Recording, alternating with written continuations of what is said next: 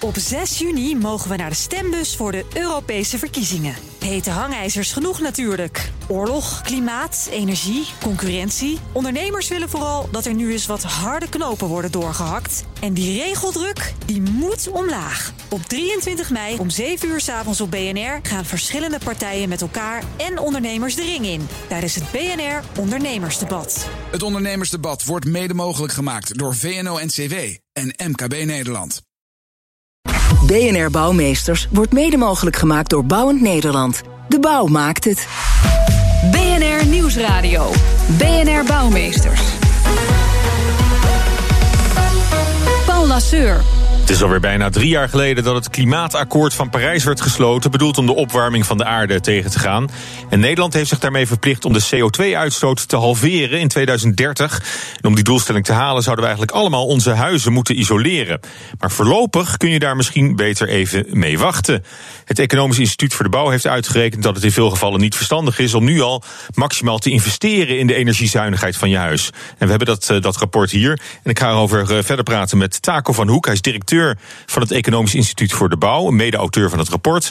En Volkert Lindemans, hij is innovator bij bouwgroep Dijkstra Draaisma. Hartelijk welkom, heren. Ja, hallo.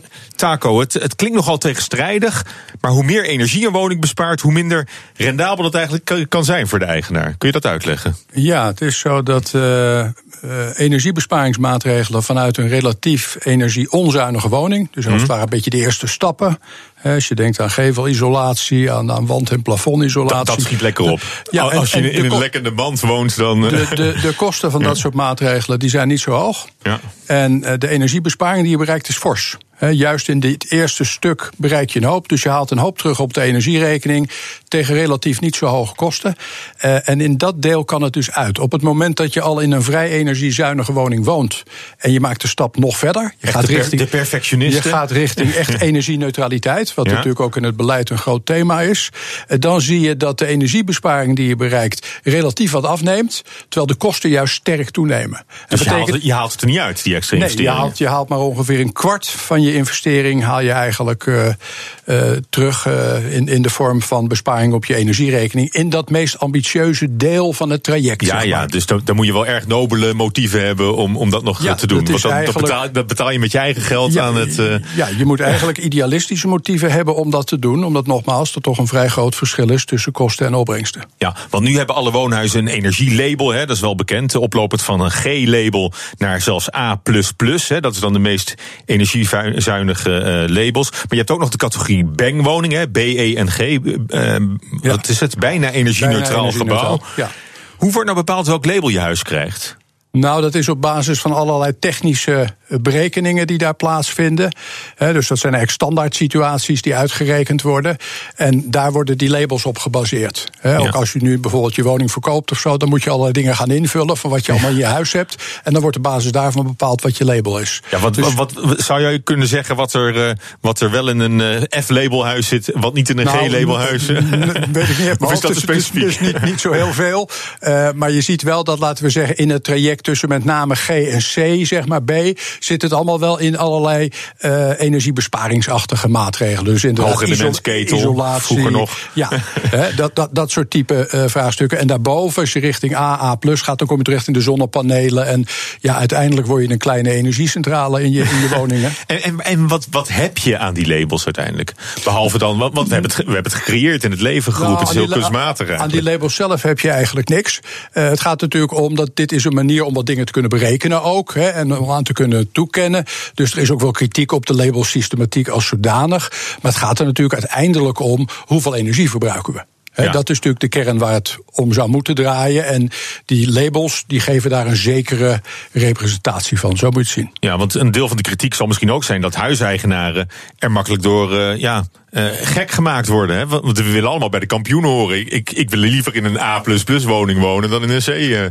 Dus, nou, dus daar ga je mee aan de slag. Dat kan, maar er zit dus een prijskaartje aan. En je moet dan ook bereid zijn om de meerprijs daarvan te betalen. En daar ligt dus nog wel een probleem. Hè? Het is ook niet voor niks dat niet heel veel huiseigenaren uit eigen beweging hun woningen energie-neutraal aan het maken zijn. Dat is maar een heel klein gedeelte. Nou, daar komen, daar, komen we, daar komen we straks nog op, uh, denk ik. Maar uh, ja, misschien zouden we moeten overwegen dat hele labelsysteem af te schaffen. Nou, het gaat niet zozeer om het labelsysteem. Nogmaals, dat is een manier om iets te berekenen.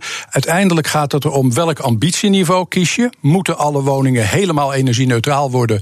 Of zou je er ook voor kunnen volstaan om een gedeelte van de woningvoorraad wel heel energiezuinig te maken, maar toch nog een stukje energie te gebruiken? Dat is één afweging. Als je dat doet, dat scheelt aanzienlijk in de kosten. En het andere is ook, nemen we ook wat Mhm. tijd om dingen te doen? Overhaasten we het niet? Want eh, er is ook een beeld dat toch in de tijd ook Ja. de kosten kunnen dalen. Hè, er vinden innovaties plaats. Er kan ook op wat grotere schaal soms geproduceerd worden. Daar hebben we ook wat naar zitten kijken. En daar zit ook wel perspectief in. Maar daar hebben we ook tijd voor nodig. Dus ook in die zin is faseren. Eerst maar eens beginnen met energiebesparing. Zorg dat je woning gewoon een stuk energiezuiniger wordt. Maar nog niet volledig Mhm. energie-neutraal.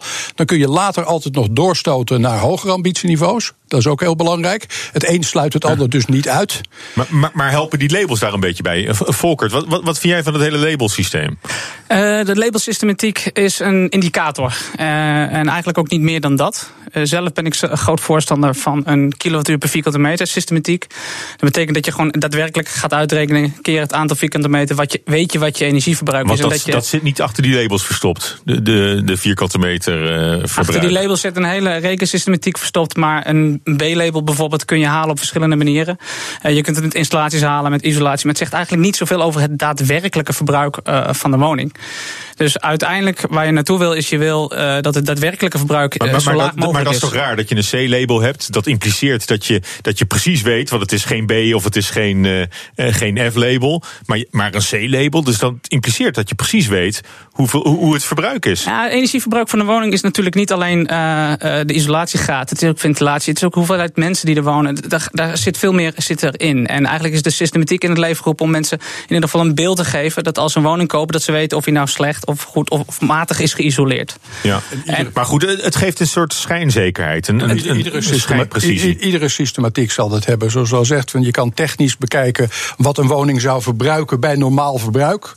Maar vervolgens maakt eruit hoeveel mensen in dat huis wonen en zo. Ja, en of- Dus- en of je de ramen open laat staan. Dus, of, eh, dus het, is in die zin, het zal altijd een eh, indicatie zijn. Ja. Maar wat wel, wat wel En- en- belangrijk maar is. dat, dat voorstel dat, dat Volker doet, eh, zou, zou je er ook wel wat in, in zien om een andere verbruikssystematiek eh, te gaan eh, eh, opwerpen? Ja, als we het gevoel hebben dat we daardoor een, een betere maatstaf hebben. Maar eh, dat, dat zal dan moeten blijken. Ja.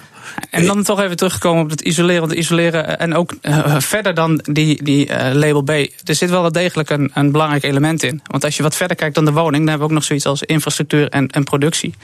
En op de woning kan het zijn dat sommige maatregelen niet direct terug worden verdiend. Maar op het moment dat wij dan meer bronnen moeten maken, meer infrastructuur moeten maken, dan gaat het de samenleving wel meer geld kosten. Ja. En hoe je het ook went of keert, via de energierekening, het vaste recht, komt het alsnog weer bij ons terug. Nou ja, waar we ook mee te maken hebben, is natuurlijk het verschil tussen de individuele huiseigenaar en het hele macroplaatje van eh, de totale woningvoorraad. Want als je er op die manier naar kijkt, dan kan je natuurlijk ook, en dat doen jullie in het rapport ook, eh, Taco, dan, dan kun je makkelijk uitrekenen wat het eh, met z'n allen moet gaan kosten. Jullie rekenen bijvoorbeeld uit hoeveel het kost om de totale woningvoorraad in 2050 energie-neutraal te maken, tot bankstatus zelfs.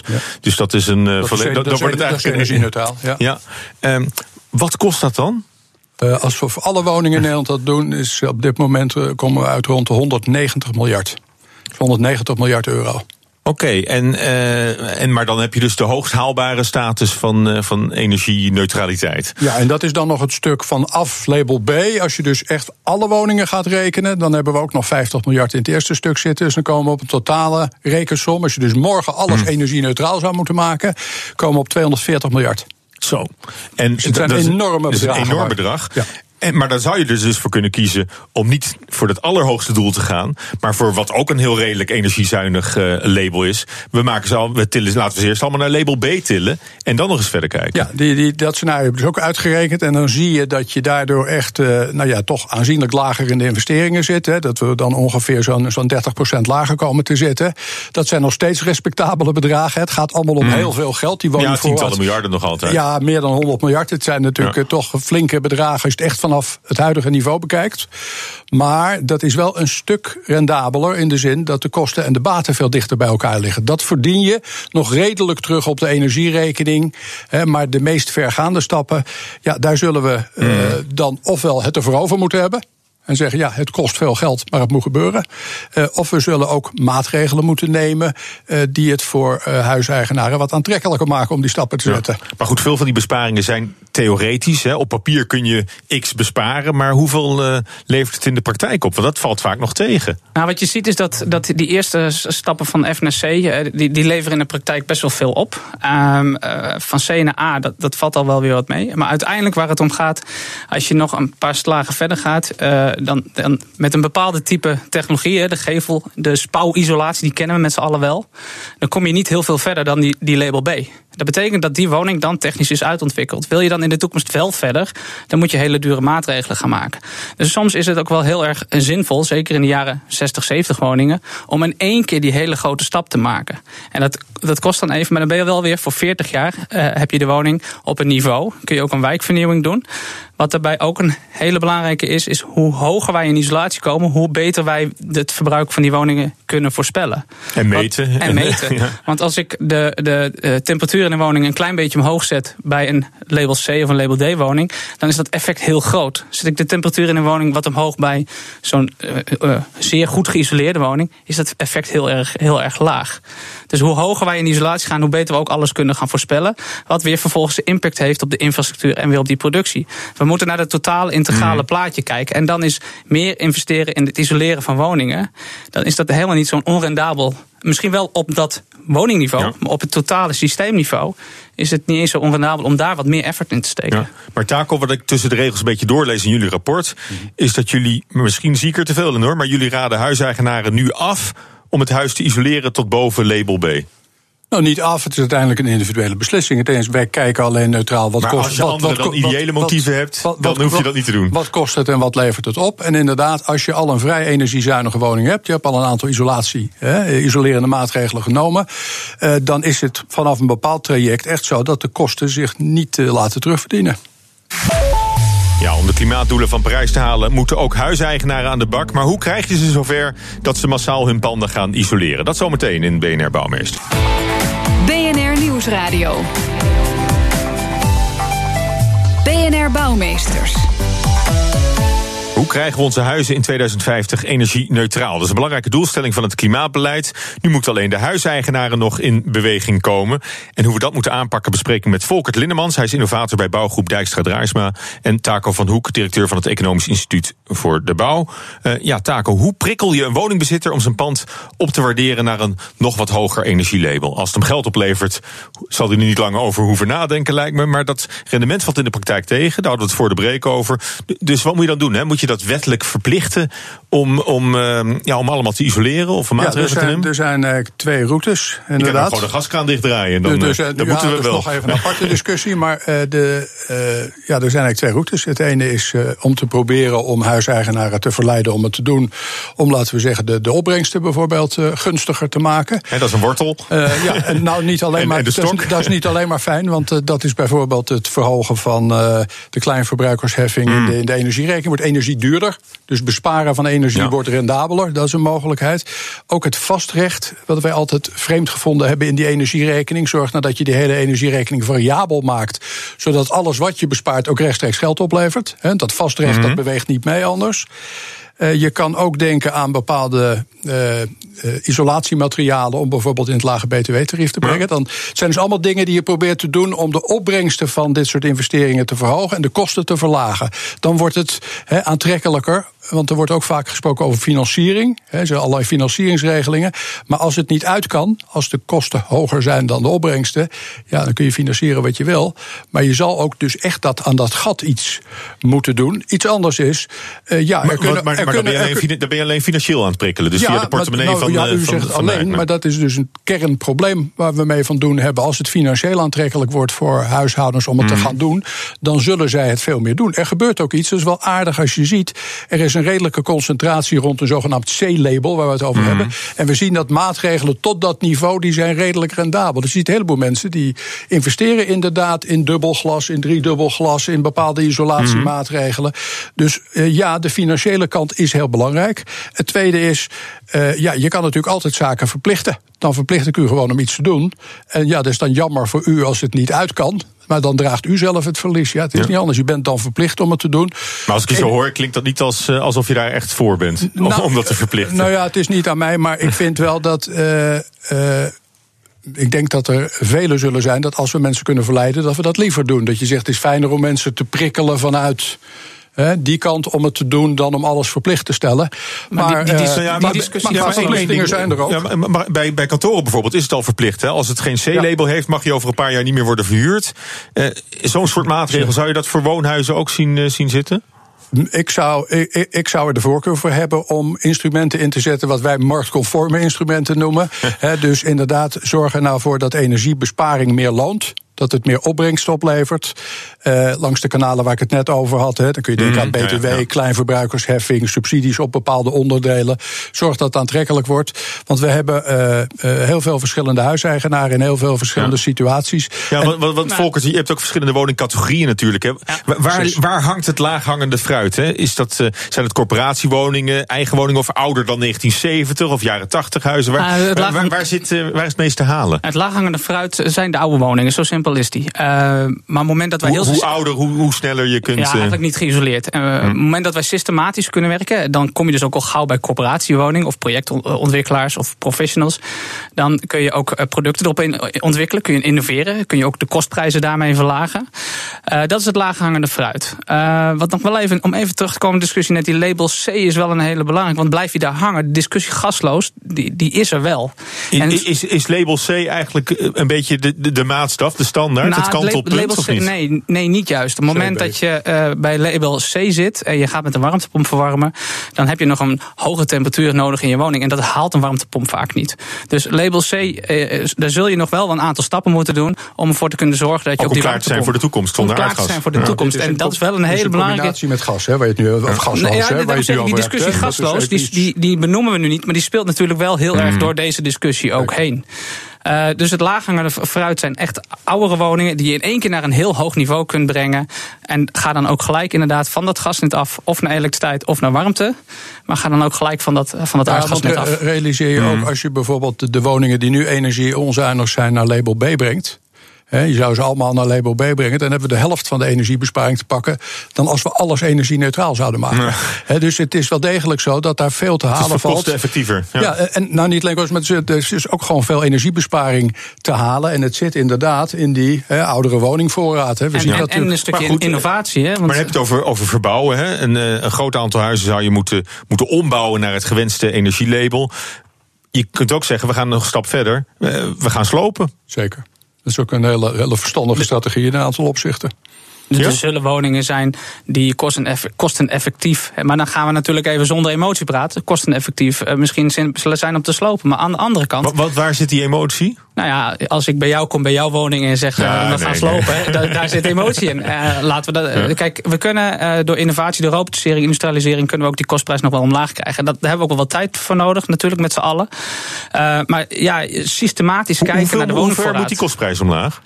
Die, die, eh, die kostprijs die moet eh, wel 20% omlaag. Eh, als, het Dan- niet, als het niet meer is. Dan komt nog steeds bij lange na niet uit. Dus dat is toch echt de kern van de zaak. Eh, Innovatie is heel belangrijk. Kunnen we ook substantiële winsten naar verwachting mee halen. We hadden het net over die 190 miljard.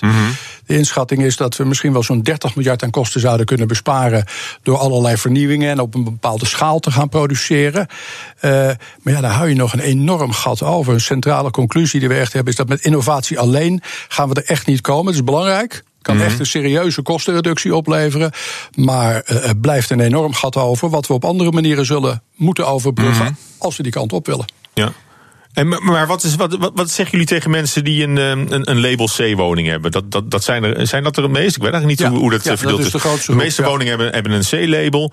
Wat, wat, wat zeggen jullie de- tegen die mensen die, die ook wel eens denken... die, die, zien ook de, die, die horen deze discussie misschien... of die zien dat op, op tv.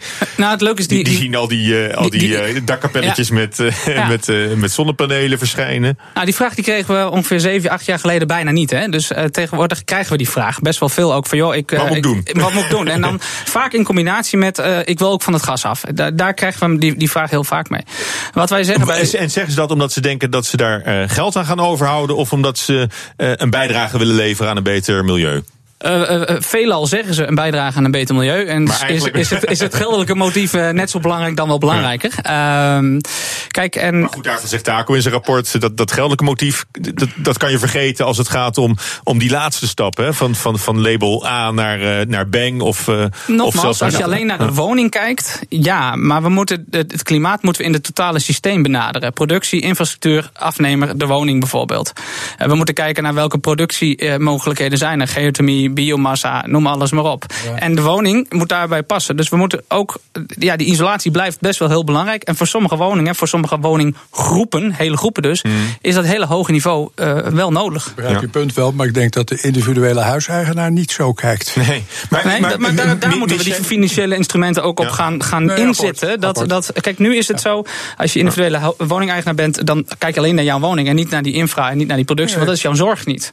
en zo moeten we dat, ook gaan veranderen. Is dat niet een, een probleem in, in zo'n rapport ook dat je ergens heel theoretisch blijft. Want je hebt, je hebt te maken met individuele woningeigenaren. Maar je rekent het uit voor de totale woningvoorraad. Wat eigenlijk een abstract begrip is natuurlijk. Want dan, dan redeneer je voor het gemak alle emotie er maar even uit. Ja, goed, dat, dat niet. Maar aan de andere kant, het is juist zo dat over vele woningen kun je met gemiddelde beter werken. Kijk, voor een individuele woning weten we het eigenlijk niet. Hè. Er zijn allerlei specifieke omstandigheden. Dus die gemiddelde berekeningen, die zijn zo gek niet op zichzelf. Waar het om draait, denk ik, is het feit, wat jij denk ik probeert aan te geven, is uh, het gaat niet alleen om bedrijfseconomische belangen. Hè, van hoe is het in mijn portemonnee, maar er mhm. zijn ook grotere maatschappelijke belangen. En de vraag is, wat hebben we daarvoor over met elkaar? En hoe regelen en hoe organiseren we dat? En ik denk dat dat de discussie is. Mhm. We moeten alleen niet de ogen sluiten voor het feit dat de business case de bedrijfseconomische case voor huishoudens, die sluit niet op dat hoge niveau op dit moment. En we zullen dus stappen moeten nemen als we dat toch voor elkaar willen krijgen. Ja, en dan, en dan is er nog een kleinigheidje, eigenlijk eh, aan, aan jullie beiden. Zelfs als woningbezitters nu zouden besluiten om massaal de komende jaren hun huis allemaal naar niveau A te tillen of energie-neutraal te gaan maken, dan kan dat niet eens, want de bouw heeft er de mensen niet voor. Dat is een, eh, een hele, hele leuke uitdaging, uiteraard. Ja, uh, tuurlijk, arbeidsplaatsen is een hele belangrijke is ook wel de reden waarom wij een tijdje geleden al de strategie hebben gekozen voor robotisering en industrialisering. Uh, dat zijn ook gewoon simpelweg keuzes die je maakt om deze groei, want dit is groei, om ook die te kunnen, te kunnen faciliteren. Want in de praktijk, jullie werken met robots al? Ja, ja, ja. en in de praktijk werken wij met robots. Wij maken gevels, uh, isolatiegevels die je voor oude woningen plaatst, in één dag geplaatst. voorzetgevels. Ja. Voorzetgevels. Alleen we kennen ze vaak vanuit de binnenkant en nu, heel modulair, nu vanuit de buitenkant. En die worden in een fabriek met robots en machines in elkaar gezet. En dat zorgt ervoor dat we wel een stukje volume uh, kunnen creëren zonder dat er heel veel extra arbeidsplaatsen voor nodig zijn. Nou, je krijgt wel nieuwe arbeidsplaatsen. Dat laatste visie deel ik niet.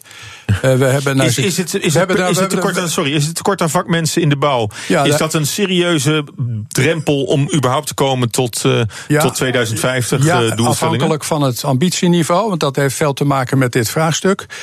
als je dus kijkt, de hele energievoorraad energie neutraal maken.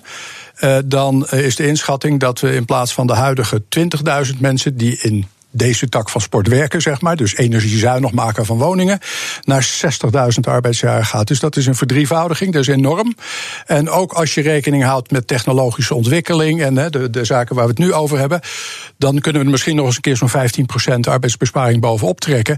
Maar dan praten we toch nog altijd over iets van 50.000 arbeidsjaren. Dus ook dit pleit er wel voor om. laten we proberen mhm. om het op een beetje goede manier te faseren. Niet te snel alles tegelijk. Dat is niet alleen financieel van belang maar ook vanuit die arbeidsmarkt. En realiseer je, als we enorm aan die arbeidsmarkt zitten te trekken, dan is het niet alleen een kwestie van hebben we de mensen, maar ze zullen ook steeds meer betaald moeten worden. En dat loopt weer terug in onze. Maar het is, het is, het is bijna, want ik, ik, moet hier, ik moet hier afronden, maar het is bijna een luxe probleem voor de bouw dat er zoveel werk is dat het, uh, dat het gewoon niet gedaan kan worden. De vooruitzichten voor de vraag in de bouw zijn erg goed. Nou, dat heeft u goed begrepen. Dan sluiten we daar uh, mee af. Uh, dank u hartelijk beiden voor, voor uw bijdrage aan deze discussie. Taken van Hoek, directeur van het Economisch Instituut voor de Bouw. En Volkert Lindemans, innovator bij bouwgroep Dijkstra Draaisma. Dit was BNR Bouwmeesters. U kunt het programma terugluisteren via de site, via de app of via iTunes of Spotify. Tot volgende week. BNR Bouwmeesters wordt mede mogelijk gemaakt door Bouwend Nederland. De bouw maakt het. Op 6 juni mogen we naar de stembus voor de Europese verkiezingen. Hete hangijzers genoeg natuurlijk. Oorlog, klimaat, energie, concurrentie. Ondernemers willen vooral dat er nu eens wat harde knopen worden doorgehakt. En die regeldruk, die moet omlaag. Op 23 mei om 7 uur s avonds op BNR gaan verschillende partijen met elkaar en ondernemers de ring in. Tijdens het BNR Ondernemersdebat. Het ondernemersdebat wordt mede mogelijk gemaakt door VNO-NCW en MKB Nederland.